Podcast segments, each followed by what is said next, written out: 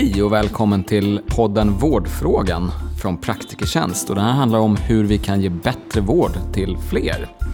Den frågan har inte ett alldeles enkelt svar och därför så pratar vi i varje avsnitt med en expert utifrån ett väldigt aktuellt ämne. Och idag så är jag här på Ekerö vårdcentral tillsammans med verksamhetschefen och specialisten i allmänmedicin Sara Banegas.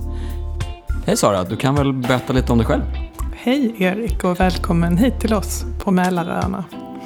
Ehm, ja, vad ska jag säga? Jag driver en praktikertjänstvårdscentral som har varit i praktikertjänstregi sedan 2000. Ehm, jag har själv jobbat här sedan 2014. Vi är en av de största vårdcentralerna inom koncernen. Vi har 20 000 listade patienter och över 50 medarbetare. Så det är ett stort och spännande uppdrag. Mm. Ja, men det är jättekul för jag vet ju att ni har vuxit väldigt mycket de, eh, de senaste åren. I alla fall sedan 2015, 2016 där och har varit en väldigt kul resa. Och en stor del av det, eh, tror jag i alla fall, handlar en del om eh, frågor kring, kring ledarskap. Och det är det som jag tänkte vi skulle prata om idag. Ledarskap i primärvården egentligen. Ehm, de senaste dagarna, senaste veckorna, månaderna så har det varit väldigt mycket om hälso och sjukvården i media. Det är valår, det har varit på alla släppar. Och en av de absolut största frågorna är just striden om vårdpersonalen. Ehm, jag sitter precis och tittar här på en löpsedel eller första sida från tidningen Dagens Samhälle där just det står. Och jag tänkte bara börja. Sara, är det en strid om vårdpersonalen? Ja, ibland pratar vi faktiskt till och med om Svarte Petter-spel. Alltså det vill säga när någon verksamhet lyckas rekrytera, ja då plockar man personalen och då blir det någon annan som står utan. Och det där snurrar liksom runt. Eh, det finns en, en, det finns en reell kompetensbrist i primärvården eh, generellt idag eh, som är stor. Det finns ett kompetensbrist som är hotande inför framtiden som är enorm. Det pratas mycket om läkarbrist eh, och sjuksköterskebrist men det vi också ser är ju eh, en distriktssköterskekår som är ju helt väsentlig för vår verksamhet. Eh, där det också kommer vara enormt svårt att rekrytera framöver. Så att, ja, jag är glad att den här frågan är så stor i årets valrörelse. Jag kan väl dock, nu ska vi inte bli politiska kanske, men jag kan dock tycka att det är väl ännu inte riktigt någon som har levererat något riktigt bra, någon riktigt bra lösning eller något bra svar. Mm. Jag, jag blir nog i och för sig gärna politisk, men eh, det kanske vi inte ska gå in på alldeles för djupt här. Men jag, jag tänkte om vi bara liksom bottnar lite i problemet. Har du någon känsla för varför vi har landat här? För det känns som att det här borde ju egentligen inte vara en eh, nytt problem. Det borde man väl ha märkt för flera år sedan. Hur, hur landade vi här egentligen? Det, det är en väldigt bra fråga. Eh, det är absolut inget nytt problem. Eh, åldersstrukturen i distriktsläkarkåren till exempel, den har ju varit på agendan i minst tio år. Jag har en facklig bakgrund och jobbat mycket för Läkarförbundet. Och när jag var AT-läkare i början på 2000-talet så pratade vi mycket om hur åldrad så att säga, distriktsläkarkåren var. Så det är inget nytt problem alls. Det är svårt att säga hur vi har hamnat här. Det är naturligtvis inte en anledning till det. Och jag tror nog ändå att landstingen och sjukvården har inte lyckats vara den attraktiva arbetsgivare som man söker sig till. Utan snarare som man lämnar på grund av olika saker. Och där är arbetsmiljö och ledarskap tror jag två stycken väldiga nyckelfrågor för om man ska kunna inte bara rekrytera men det som framförallt jag har jobbat mycket med är att behålla personal. Mm. Ja, för det där är ju väldigt intressant och det har ju du bland annat eh, skrivit en del om. Bland annat mm. i en uppmärksammad debattartikel i Dagens Nyheter i, i mars där du bland annat la fram ett antal punkter då för ett framgångsrikt ledarskap eller en framgångsrik primärvård, hur man driver mm. vårdcentral och sådär. Just det. Eh, jag tänkte en av de punkterna som du, du tar upp där är ju just behålla medarbetare och behålla personal. Mm. Eh, du har ju verkar som att du har lyckats ändå ganska väl. Vad, vad är nyckeln? Eh, vi har ju försökt att, att eh, medvetet anstränga oss väldigt mycket för att få personalen att trivas och känna att de är väldigt värdefulla. Så att allt de gör hos oss eh, och för våra patienter har ett stort värde. Eh, både för vårdcentralen såklart men också för oss som ledningsgrupp och organisation. Ehm, och ett sätt av, en sak som jag tror har varit jätteviktig för oss är ju att vi har ett väldigt platt ledarskap. Där vi inte har så många chefsled utan i princip är det jag som är verksamhetschef och sen har vi vår ledningsgrupp som gemensamt fattar beslut. Men det betyder att personalen kan bli väldigt involverade i, i beslutsgångarna och att vi använder också personalens idéer och kreativitet mycket eh, för att själva skapa liksom, den väg som vårdcentralens verksamhet ska ta. Ehm, vi har också gjort väldigt mycket individualiserade lösningar för olika personer. För alla har vi olika behov under tiden som vi är i yrkeslivet. Eh, så vi har bland annat individualiserade scheman för alla. Eh, vi har individualiserat uppdragen i stor utsträckning. Att man kan liksom plocka till sig det man känner intresse från det här stora liksom utbudet av, av vårdinsatser som vi erbjuder. Och utvecklas inom det och känna att man kan bli stimulerad och utmanad. Eh, alla läkarna har individualiserade scheman Eh, vilket har varit en stor uppskattning. Vi har ett väldigt generöst flextidsavtal. Så vi har liksom jobbat med väldigt mycket individuella lösningar för individuella personer. Mm. Eh, och det tror jag också har fått personalen att känna sig, dels att, de, att det funkar och de trivs. Och det är svårt att hitta någon annanstans. Ehm, och de känner sig sedda och uppskattade och då vill man stanna kvar. Mm. Men det här med individuella scheman, flextid och sådär, det låter ju extremt lockande måste jag säga. Mm. Men det låter också som att det kan vara en utmaning för, för dig eller dina kollegor som kanske är chefer och ansvarar för, för det här. Hur, hur funkar det egentligen i praktiken? Alltså, eh, det funkar mycket bättre än vad man skulle kunna tro. Eh, det började egentligen av en ren i nöd, skulle jag säga. För att den allra första specialisten som vi anställde när jag eh, var här, för hennes del fanns det inget alternativ än att kunna välja helt och hållet fritt. Och det fungerade så bra så vi liksom fortsatte och höll oss på den vägen. Ehm, ofta är det så att vi kan ja, vi kan se schematekniskt och vi behöver någon som jobbar till fem på fredagar. För vi måste ha öppet till fem eh, alla dagar i veckan enligt vårt vårdavtal. Ja, och då försöker vi lösa det gemensamt. Och det kanske inte, någon vill gärna göra det för då kan den gå hem lite tidigare någon annan dag. Ibland blir det så att ja, men vi tar var sjunde fredag och så turas vi om. Och det kan alla mm. finna sig i. Och eftersom vi gemensamt hjälps åt att lösa till exempel då schemabemanningen så hjälps vi också gemensamt åt att se till att man kan få vara ledig när man vill. Mm. Och det, det har funkat oväntat bra. Mm. Sen vet jag att en annan intressant sak som du har tagit upp och pratat en del kring, det är just det här med att vad kan man säga, begränsa uppdraget för olika liksom, personalgrupper. Att, att var, var man ska lägga fokus, så att säga. Jag tror att du har sagt någonting att är trycket väldigt mycket på sjuksköterskor, ja men då kanske man behöver anställa en annan personalkategori och så liknande. Hur, mm. hur, hur, hur funderar du lite mer liksom konkret kring det? Men om man börjar med den största bristen vi hade från början här var läkargruppen. Eh, och då när vi väl började rekrytera doktorer då gick det ju inte att de skulle ta bördan för åtta vakanser. Mm. Utan då fick vi verkligen anstränga oss för att skydda dem. De skulle fick ha ett, ett, ett vettigt uppdrag med utgångspunkt från sin arbetssituation oavsett hur stort trycket var på vårdcentralen i övrigt. Um, och, och, så har vi försökt att resonera att om nu säkert, liksom, läkargruppen har mycket så har vi försökt att lotsa över arbetsuppgifter till sjuksköterskegruppen. Sen i sin tur har vi försökt avlasta dem genom att vi har eh, skickat över administrativa uppgifter till en förstärkt sekreterargrupp. För det var lättare att rekrytera i den gruppen. Mm. Eh, vi har en egen anställd lokalvårdare, en tjej som hjälper oss med att sköta lokaler och städa. Och hon har också kunnat ta över en del saker från undersköterskorna i form av att sköta tvätten till exempel. Mm. Så det har liksom gått i den kedjan att där det har gått att rekrytera där har vi fyllt på. Och så har det liksom löst sig successivt. Ehm, och försökt också se till då att, att varje arbetsgrupp gör det som de är absolut bäst på. Och inte mer än så. Mm. Så det, har ju, det, det, går, det är ju svårigheten att ta sig ur ett djupt hål när man har en stor brist. För det är nog inte ovanligt att man lyckas kanske hitta någon att anställa. Men så får den en sån enorm börda så den står inte ut mer än tre månader och sen slutar den. Och då är liksom hela rekryteringsarbetet helt bortkastat och helt meningslöst. Mm. Så att, att skydda den personal man faktiskt har, just då med utgångspunkt från att de måste stanna, de måste, man måste behålla den personalen man har. Mm. Eh, för så fort någon slutar av missnöje så är det ett enormt misslyckande. Mm. Hur är det annars då? Lätt är väl kanske fel ord, men går det att, att hitta läkare, distriktssköterskor, undersköterskor och sådär? Eller är det...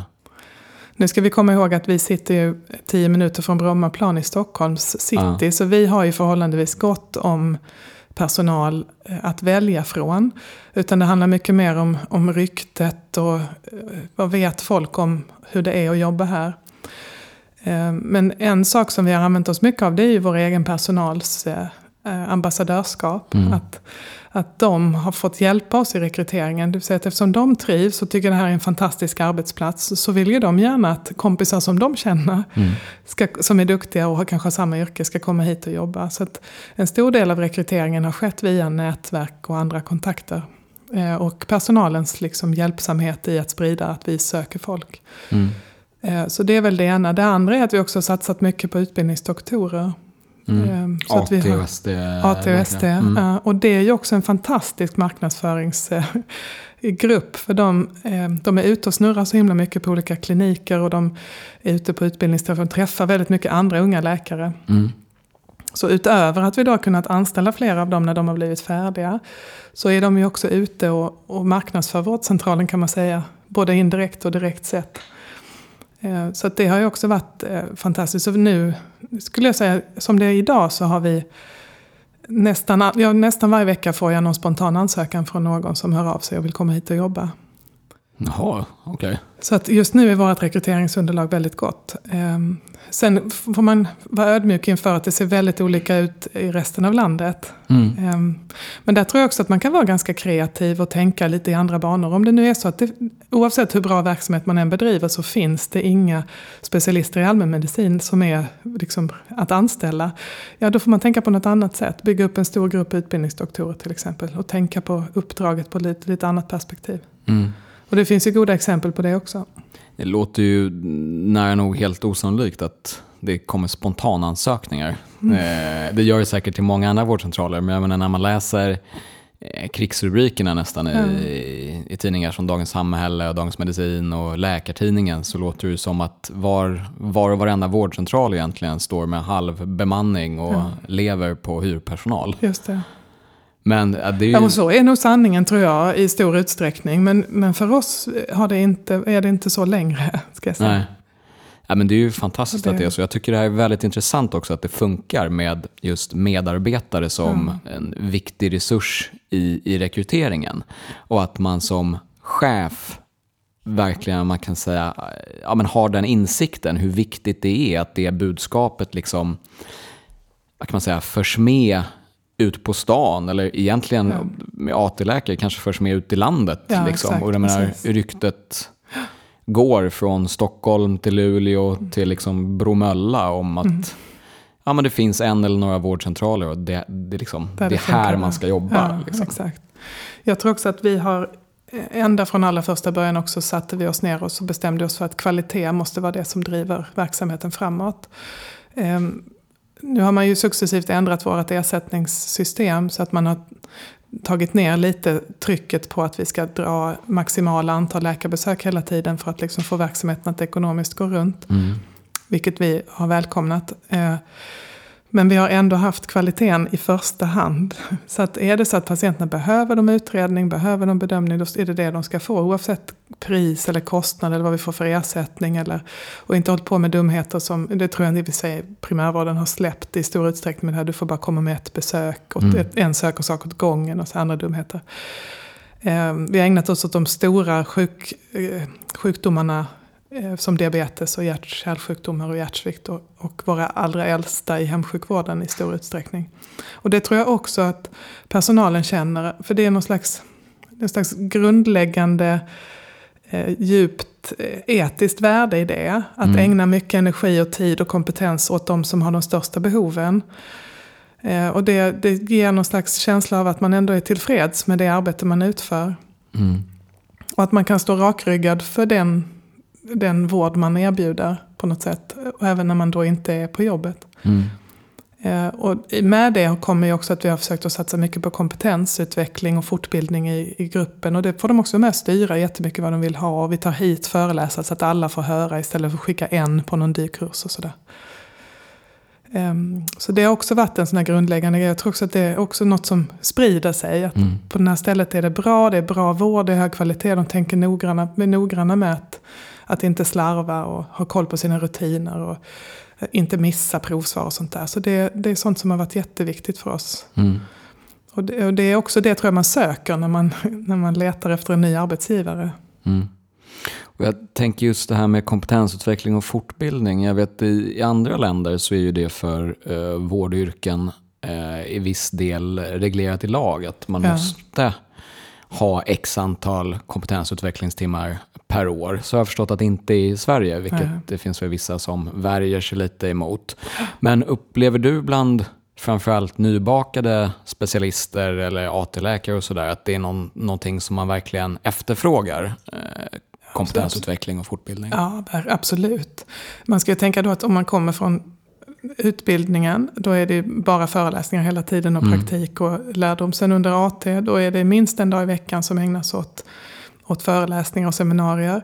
Likaså under ST, massvis med kurser och det, det är enorm utbud och eh, liksom tillgång på utbildning. Mm. Och så blir man färdig specialist och då bara poff så är allting borta. Mm. Eh, och det plötsligt blir det upp till en själv i hög utsträckning men också då upp till vad arbetsgivaren släpper till i form av tid och fortbildningspengar. Och, och sen också faktiskt vad man har för organisation i verksamheten. Att det finns utrymme, att alla är på plats en dag i veckan. Det är inte helt säkert. Det är till exempel en nackdel med att ha individualiserade scheman. För man måste ju se till att alla kan samlas vid något tillfälle. så att, så att eh, det är en, ett jätteproblem bland eh, erfarna personer i sjukvården. Och det gäller inte bara läkargruppen, det är ju sjuksköterskegruppen i hög, hög utsträckning också. Mm. Det är att fortbildningen bara nästintill upphör när du blir färdig. Mm. Om du inte har en arbetsgivare eller en, en organisation som driver på det där. Och där tror jag nog att faktiskt sjukhusen är lite bättre på att ha veckovisa utbildningstimmar och sådär. Mm. Och att det är en sån här sak som ständigt prioriteras bort i primärvård. Mm. Här har jag en, en, läkargrupp som driver på mig stenhårt. Så fort jag tappar i det där eh, så får jag, då är det alltid någon som säger nej nu har det varit för dåligt. Och så får vi rycka upp oss och så ser vi till att göra ett schema för höstens fortbildning. Och så tar vi liksom nya tag. För annars är väl misstänker jag att just utbildning är väl en sån sak som möjligen kan få stryka på foten om man kanske har för mycket att göra, kanske har under ekonomisk press och sådär. Verkligen, det är ju det som nästan alltid stryker sig först tror jag. Men du har en lång rad med patienter som måste tas om hand och, och svårt med ekonomin. Då, gäller det, då, då, då är det det som går först. Ska jag säga. Mm.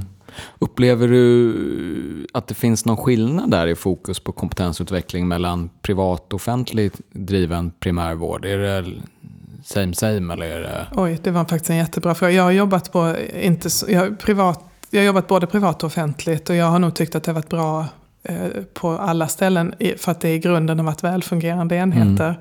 med eh, liksom engagerade personalen som verkligen har efterfrågat och så att säga också krävt att det här, så här ska det vara. Mm. Och chefer som har förstått värdet av det. Så att jag, jag, nej, jag skulle nog inte vilja dra den gränsen. Men, men däremot så är det så att det måste finnas en ledning som styr och som trycker på att det här måste göras. För det finns ju också alltid någon som inte tycker att de behöver utbilda sig ett enda dugg. Mm. Och det gäller det också att kunna stå på sig och säga att jo men det här är, jag är hemskt ledsen men du kan inte välja bort det här. Mm. Du måste gå den här fortbildningen så att du hänger med. För att om din kunskap är tio år gammal så blir du ju direkt olämplig. Mm.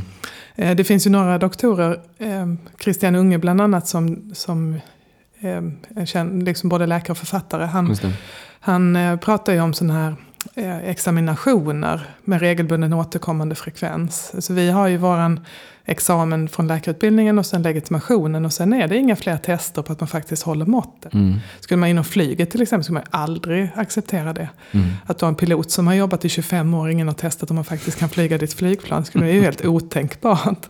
Men i sjukvården är det ju så, det finns inga återkommande eh, eh liksom kunskapsexamina efter det att du har blivit färdig specialist. Nej. Eh, och det kan, där kan jag också faktiskt tänka att det är inte så dum tanke. Att man faktiskt har någon typ av kunskapskontroll någon gång ibland. Så att man, för det driver också kulturen av att vi måste hela tiden bli bättre. Ja. Tror du att det skulle uppskattas generellt inom kåren? Liksom, att man har uppföljningsprov jag vet inte, var tionde år? Eller Nej, det finns nog, där är vi nog väldigt delade tror jag.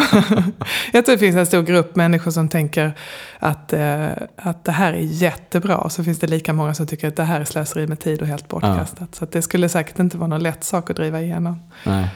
Men, eh, men visst är det så. Eh, all verksamhet som, som bygger på liksom en hög grad av, av kvalitetstänkande måste ju ha det. Man måste kunna granska sig själv. Man måste kunna vara kritisk mot sitt eget sätt att arbeta. Man måste kunna eh, diskutera sina misstag och man mm. måste fortbilda sig. Det är liksom inneboende i en kvalitetsdriven organisation. Mm. Men jag tror att vi är lite, till mans är vi lite fega. Vi vågar inte riktigt mm. eh, tänka på det sättet. För tänk om någon kommer på mig lite så. Men det sitter, vi började prata om ledarskap. Det sitter också väldigt mycket i, i ledarskapet. Eh, att det, det, måste vara just det där måste vara top-down. Liksom. Mm. Att det här, är, det här är förutsättning för att du ska jobba här. Att du också håller dig uppdaterad och att du, eh, att du anstränger dig för att göra ditt bästa. Och att du delar med dig av dina lärdomar med dina kollegor. Mm. När vi skapar den kulturen så driver ju personalen på. Mm. Att eh, nu, nu är det dags igen. Liksom. Men jag kan tänka mig, nu är inte jag utbildad inom medicin eller så, men jag kan tänka mig att om jag kom till en arbetsgivare som hade den inställningen som, som du säger nu, att här så liksom kompetensutvecklar vi eller fortbildar vi oss ja, men minst x antal timmar varje år, så är det liksom. Det är det sättet vi jobbar på. Ja. För min del skulle jag uppleva det som ganska framåtlutat, eller, eller man ska säga. Mm. Väldigt nästan innovativt. Jag har nog varit hos få arbetsgivare eh, som har haft den inriktningen, utan man får snarare liksom nästan söka x antal kronor per år som kanske mm. går till någon jag vet inte, HTML-kurs eller webb, alltså ja, vad det kan vara som är lite mer mitt gebit. Men det känns ju inte som att det är någon som faktiskt chef nästan någonsin som har kommit med liksom piskan att Hör du, har du valt nu vad du ska nej, göra nej, det här det. nu? Liksom. Och det som jag tycker är roligt, det är väldigt lätt att lägga jättestora pengar på externa kurser. Men lärandet finns ju i organisationen tror jag. Mm. Vi, vi är, nu är vi 18 anställda doktorer. Som ju har alltifrån 30 någonting till något års erfarenhet. Men det är ju mm. hundratals år av medicinsk erfarenhet som jobbar här. Mm. Eh, kanske tusentals till och med, vi räknar med alla sjuksköterskor och alla andra som kan så otroligt mycket saker. Mm. Och nog tusan kan vi lära varandra. Och fördjupa oss i de senaste rönen och de nya riktlinjerna och, och sen sprida det hos oss själva. Och det är ju, eh, jag tror det är mycket bättre dessutom och roligare. Mm. Nej men och sen kan man ju också, jag vet inte om ni har prövat det, men jag har ju varit på företag och avdelningar där man har liksom haft delegerat det till medarbetarna och ansvarar för att man varje månad bjuder in någon extern som får berätta om något viktigt man har gjort eller någon ny kunskap eller, eller sådär. Mm. Och sen har ju avdelningen då kanske bjudit på fika och gett en blomma liksom och sådär. Ja. Uh, ofta så vill ju, upplever jag i alla fall, så vill personer som har åstadkommit något eller gjort en förändring ja. eller sitter på särskild kunskap gärna dela med sig uh, mm. av den. Ja. Det känns ju nästan lite mänskligt sådär ja, att, man, att man vill det. Ja men det är roligt. Vi försöker ta in en extern föreläsare i månaden för att mm. få gjuta lite liv. Liksom. Och så har vi lite teman. Så någon termin körde vi astma cool. Nu har vi lite depression och ångest och missbrukstema här under mm. hösten eh, lite förmaksflimmer och såna blodförtunnande läkemedel har vi kört någon termin. Mm. Så tar vi en gång i månaden har vi en extern person som kommer och en gång i månaden så drar vi själva någonting som vi har fördjupat oss i och då mm. fördelar vi ut det. Så, mm. så det, det, det, det är ju jätteroligt. Det är ju det roligaste som, som vi har.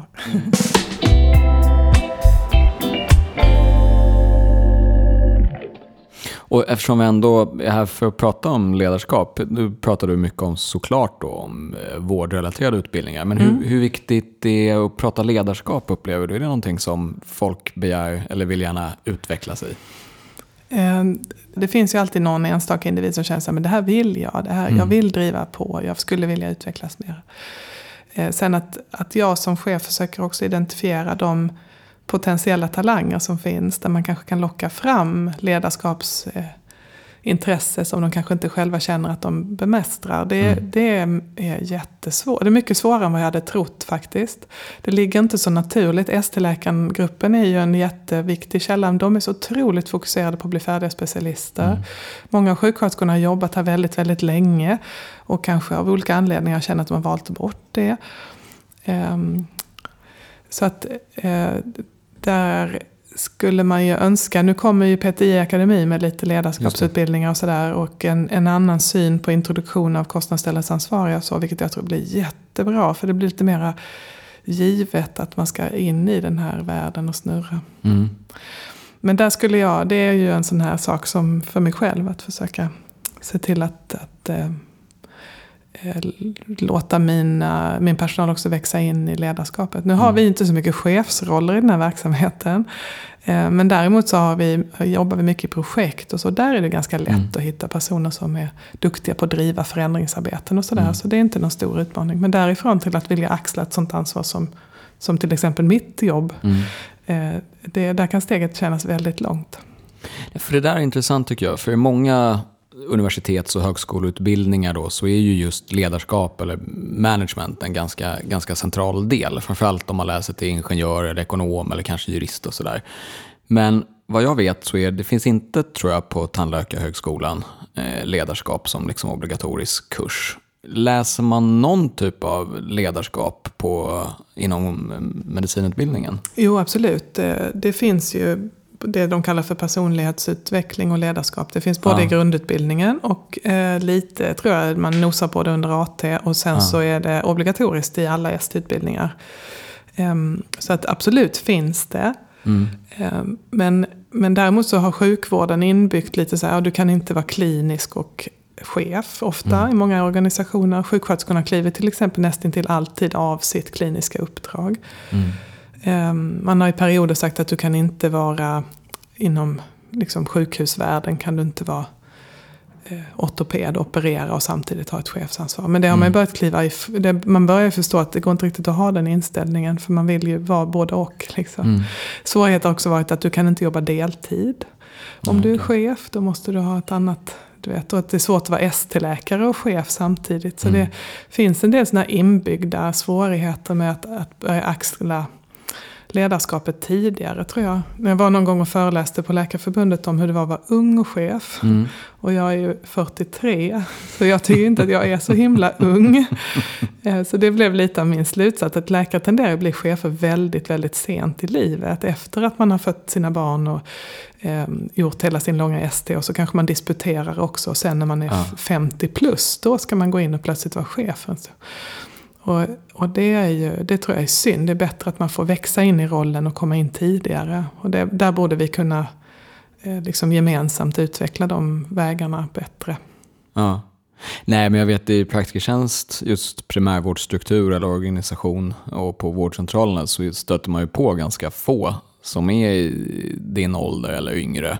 Vi har väl en kollega uppe i Piteå, Petter där tror jag, ja. som är väl 35-årsåldern. Han är väl ett exempel på någon som verkligen sticker ut från mängden då? Ja, visst. Han, är, han, han tillhör undantagen. Ja, ja. Precis.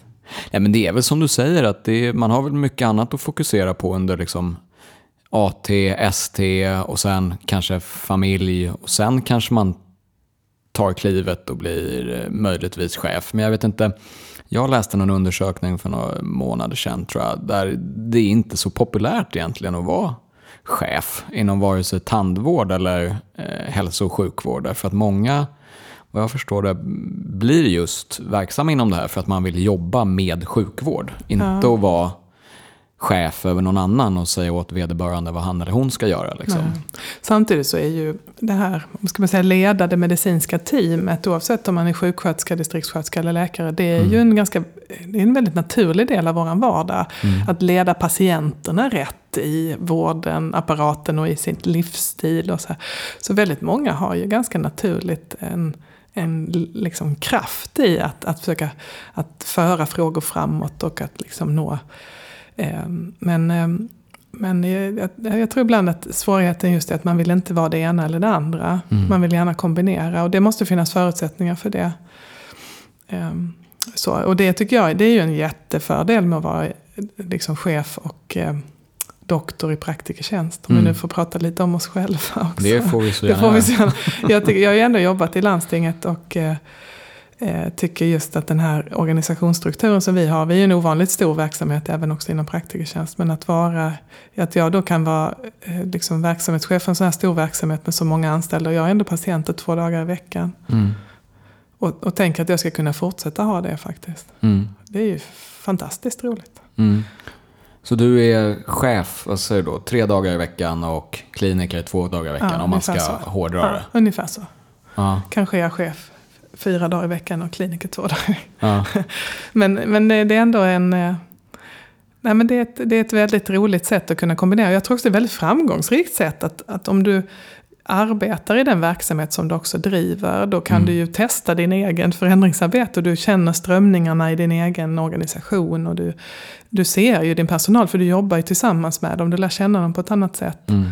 När du också är deras liksom, partner i patientarbetet. Mm.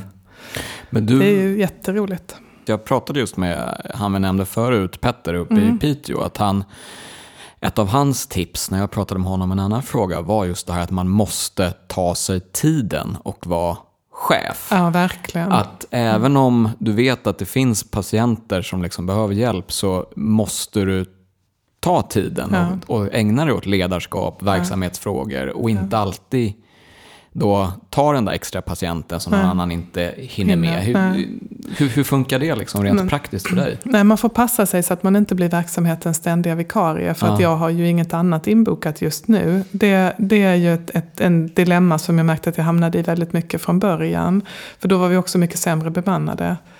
Och då så fort jouren var sjuk så var det så här, ja jag har inga externa möten idag så jag kan ju ta den. Mm. Och så svämmade man över. Och då, då gör man ju verkligen sin verksamheten otjänst om man, om man eh, prioriterar bort chefsuppdraget. Mm. Det får man inte lov att göra. Och nu, jag försöker göra så att nu jobbar jag med patienter, då jobbar jag bara med patienter. Mm. Om det inte brinner någonstans riktigt, riktigt mycket. Mm.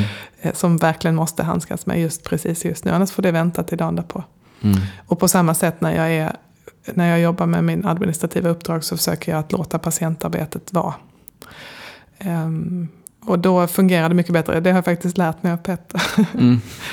att vara lite mer ordning och reda på det sättet. Upplever du att det finns stöd för, eller förståelse snarare, för det från, från gänget här? Ja, absolut. Jo, men det tror jag. Ja, absolut. Och mina patienter är oerhört förstående också. Mm. Ja, du har ju så mycket att göra, jag förstår att du inte ska... Du vet, så det är faktiskt himla... De är, det, ja, men det finns en enorm liksom, kärlek och omsorg om varandra. Det ja. genomsyrar hela verksamheten och de är ju sådana mot mig också. Så mm. det, det tycker jag det fungerar ändå förhållandevis bra. Det är inte perfekt alltid naturligtvis. Det finns alltid perioder när man... Men jag har också med tiden lärt mig att bli bättre. Att jag, kan, jag vet ju vilka perioder som är... Som nu här, liksom slutet på augusti, början på september. Då är det relativt lugnt här fortfarande. Mm. Alla börjar jobba och komma tillbaka efter skolan. Men det är otroligt mycket planeringsarbete inför hösten och jul och mm. början på nästa år. Det gör ju vi nu. Mm. Ja, men då sätter jag av mer administrationstid just nu. Mm. Och så kanske jag i du vet, sista veckan innan jul, då ska våren redan vara färdig. Då är det jättestort tryck på infektionspatienter, då kan jag ta mer patienter. Så att man kan ju styra lite. Just det, och man lär sig allt, som du säger, man lär sig allt eftersom Exakt. man jobbar, hur ja, det funkar. Hur det liksom. funkar, precis. Ja. Och sen måste man vara väl, när man jobbar på det här sättet och har så här mycket eh, klinisk tid så måste man också vara duktig på att inte göra allting själv. Mm. Så att vi har, det är ju en stor fördel också. Vi har många, många ansvarsfulla personer i den här verksamheten. Även om vi inte har så mycket chefer och utsedda ledare i den bemärkelsen. Mm. Så har vi många som tar väldigt stort ansvar. Framförallt också då personalen som tar sitt liksom individuella ansvar för mm. sitt uppdrag och utför det. Så att eh, man inte behöver hålla på och peta i folks vardag. Liksom. De mm. har ett uppdrag att sköta och det gör de. Och så. Mm. Hur de gör det, det lägger inte jag mig i. Mm. Jag skulle precis komma till det. Hur är du som chef där? Är, är du hon som står och pekar någon på ryggen och hör du? Nej, verkligen inte.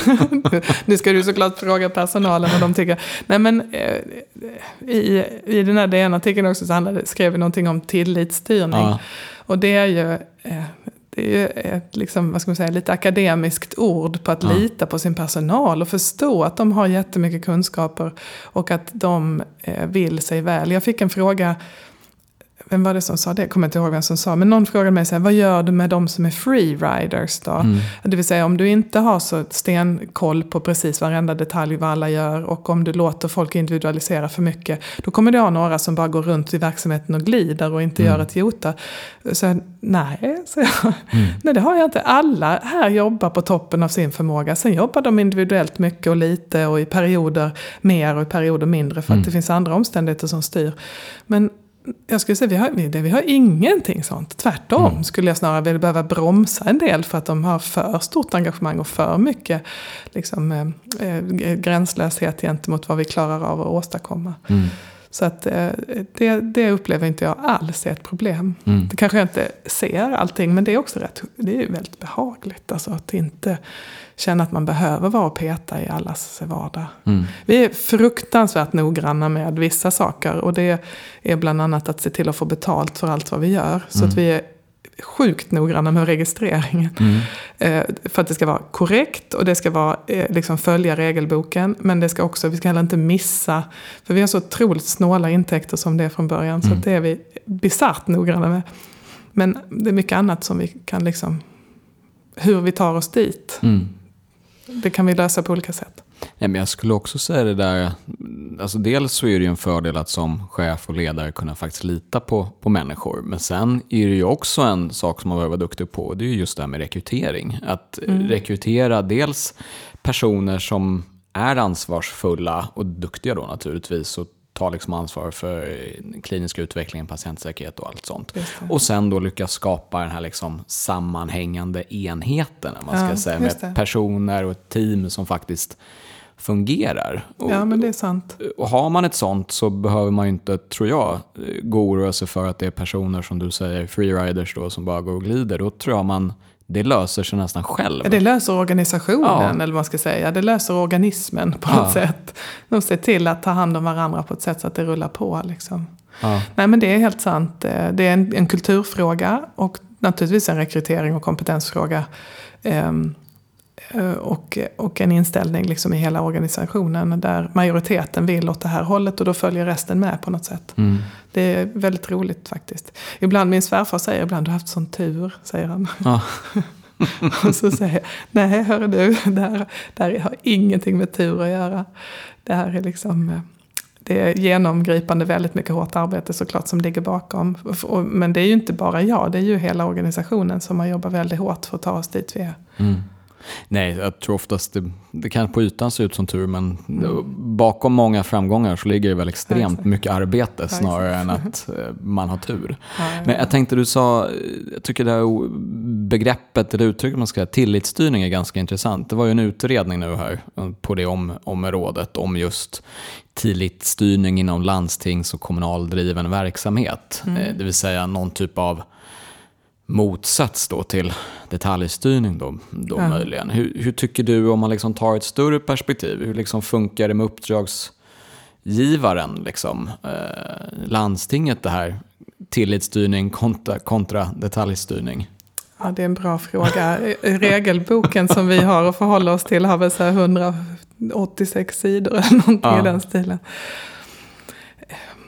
Jag tror det finns en övertro på att om man petar in eh, kontroll här och registrering Mm. där och så, så ska det bli mycket bättre. Det är så det är så väldigt svårt att i förväg förutse vad vissa beslut får för konsekvenser. Mm. Um, ett exempel är ju nu, vi jobbar gentemot ASIH Mm, en del och där har man skrivit in att man, ja, de får minskad ersättning efter åtta veckor inskriven vård, vilket har en, då, får som konsekvens att, att patienter måste vara väldigt, väldigt sjuka innan de kan få hjälp. Mm. Och samma princip dyker upp hos oss också.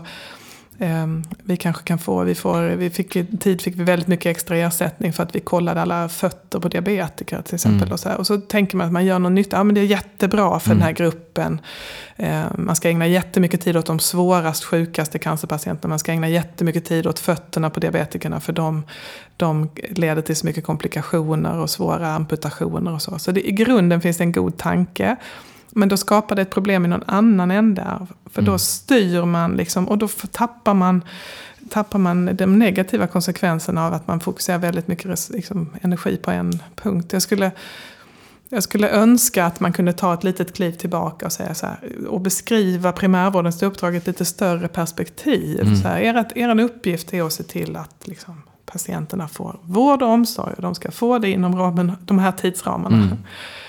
Och ni ska prioritera de äldre och de sjukaste Mm. och barnen. Och, och så ska ni se till att familjerna får ett gott omhändertagande. Och det är ett krav att ni ska samverka med socialtjänsten. Och Mm. det, det, den typen av... Men, men, eh, men ta, försöka kliva ifrån det här med att det måste vara 1,3 besök per listad, annars får ni inte betalt. Ja, men ni vet, det här sifferstyrningen som jag tycker är så tröttsam. Ja. Att våga lita på att, okej, okay, men om vi får det här stora uppdraget så så löser vi det på olika sätt. För hos mig är det en sak hos min kollega Kjell som jobbar i Råcksta, Vällingby, där mm. en väldigt stor del av patienterna inte till exempel eh, är födda i Sverige och kan ju inte använda telefonen på samma sätt som och ringa och boka en tid så som våra patienter gör i väldigt hög utsträckning. De måste organisera sig på ett helt annat sätt. Mm. Men det är ju inte att säga att hans verksamhet är bra och min verksamhet är dålig eller tvärtom. Mm.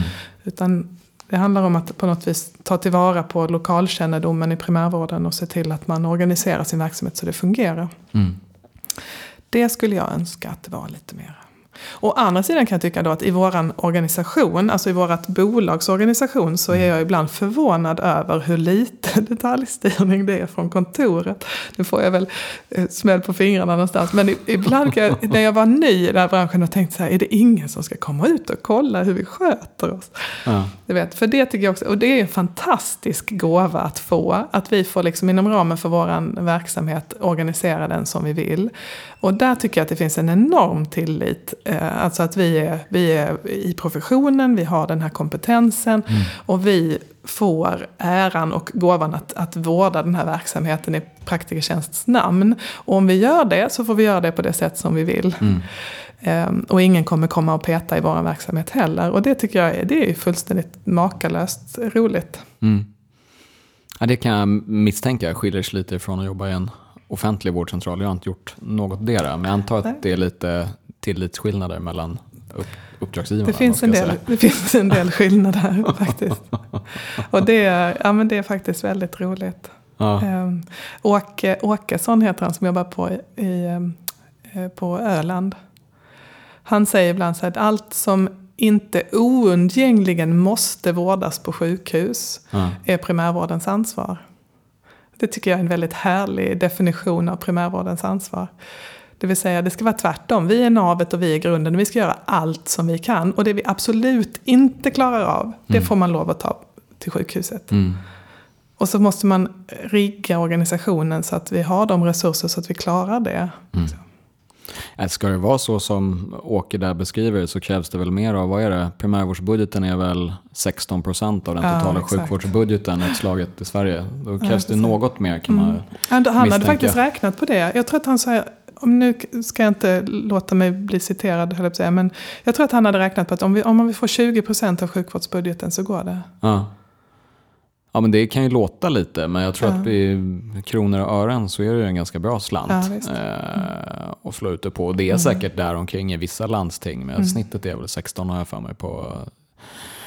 och jag hela. tror att vi klarar det om man nu ska prata primärvård i ett större perspektiv. Jag tror att vi klarar det. Jag, eh, många säger att man måste begränsa primärvårdens uppdrag. Mm. Eh, det tror inte jag. Mm. Snarare tvärtom. ja men det är väl lite så som Åkesson ja, i och för sig sa. Det, det breddas ju då i så fall om det ska vara allt som oundgängligen inte behöver Var behandlas på sjukhus. På sjukhus. Nej, men vi klarar inte det om vi inte får lite större del av sjukvårdsbudgeten. Nej, det är nej, ju helt så, omöjligt. Så det, det, måste följas åt med en, en ledning som förstår att, att det går. Mm. Nej men rimligen så borde det vara så, får man ett större uppdrag borde man rimligen få mer resurser. Nu vet jag att mm. det inte funkar så i alla landsting. Nej. Men det är... Nej exakt. Nej, det är snarare tvärtom. Ja.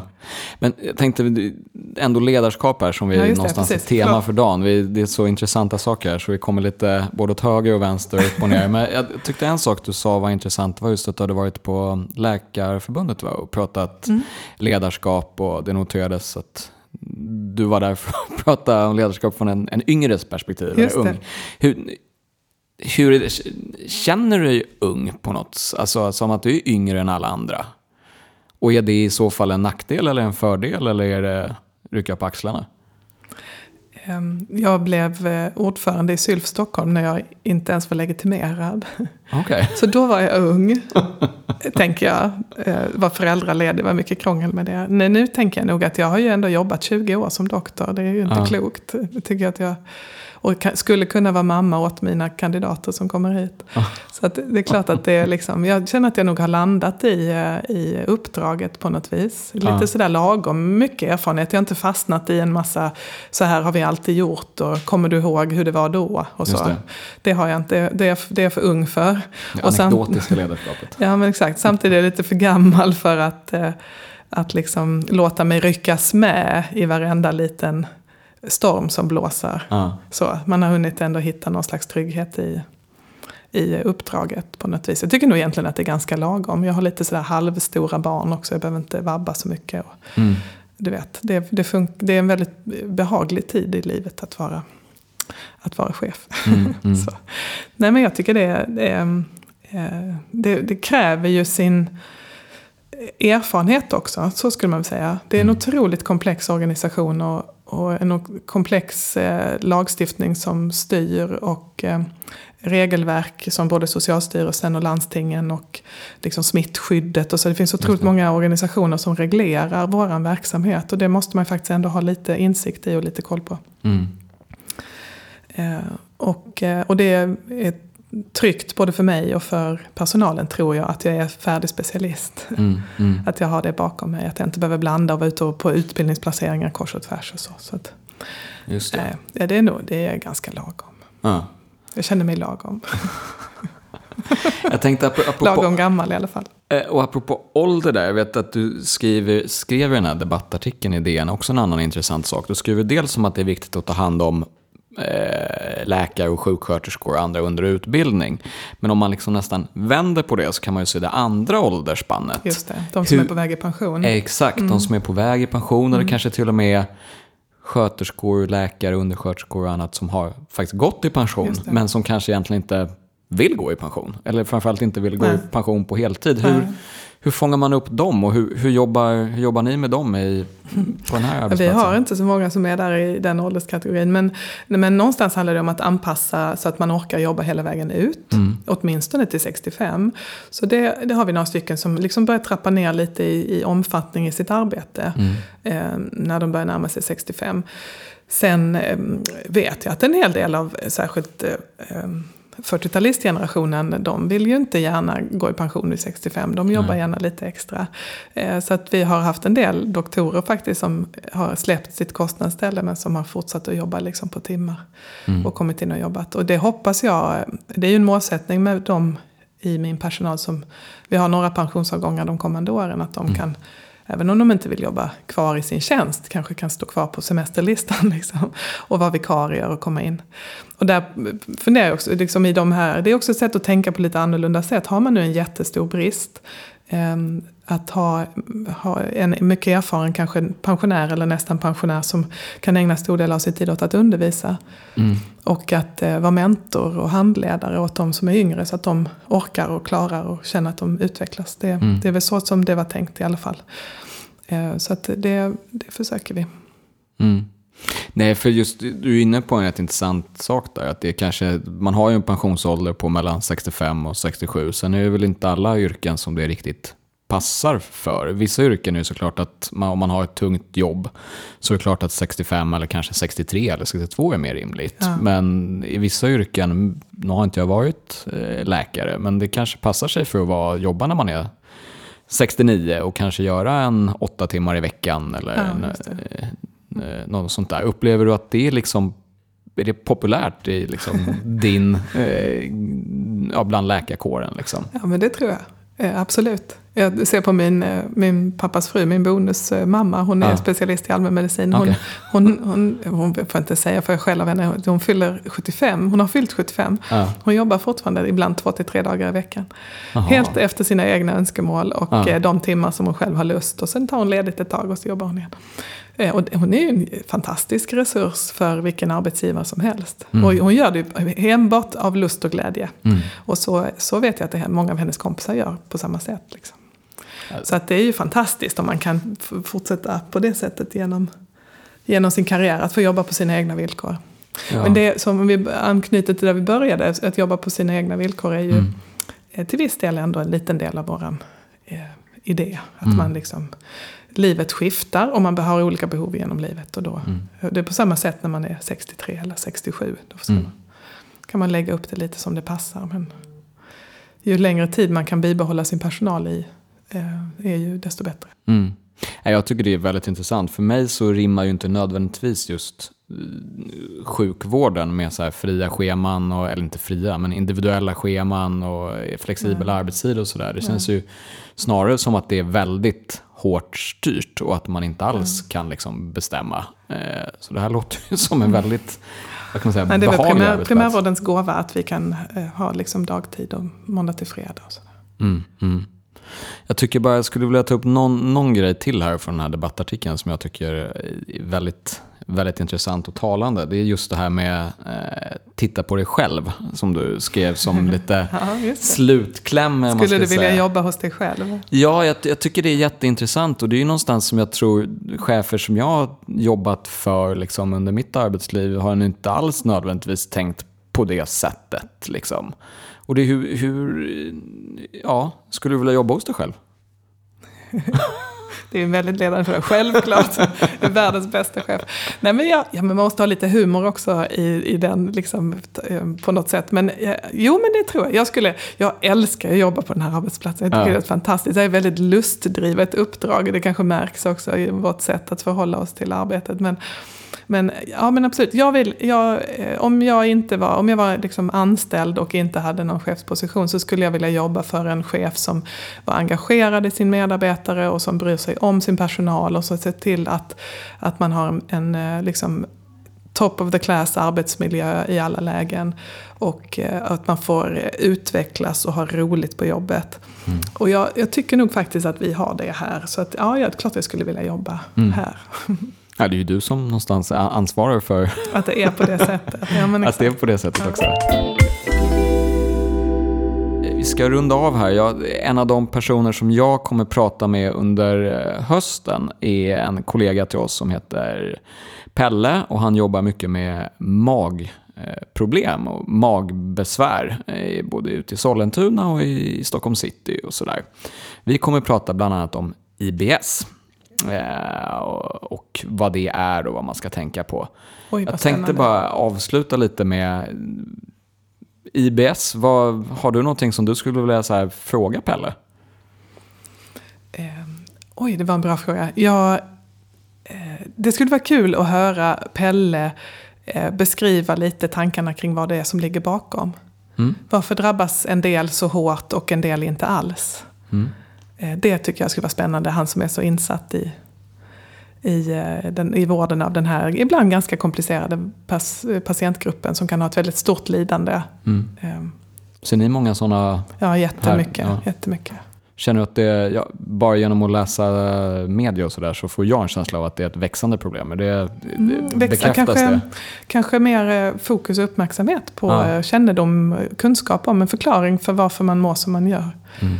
Eh, och det tror jag är bra för de allra flesta. Mm. Mm.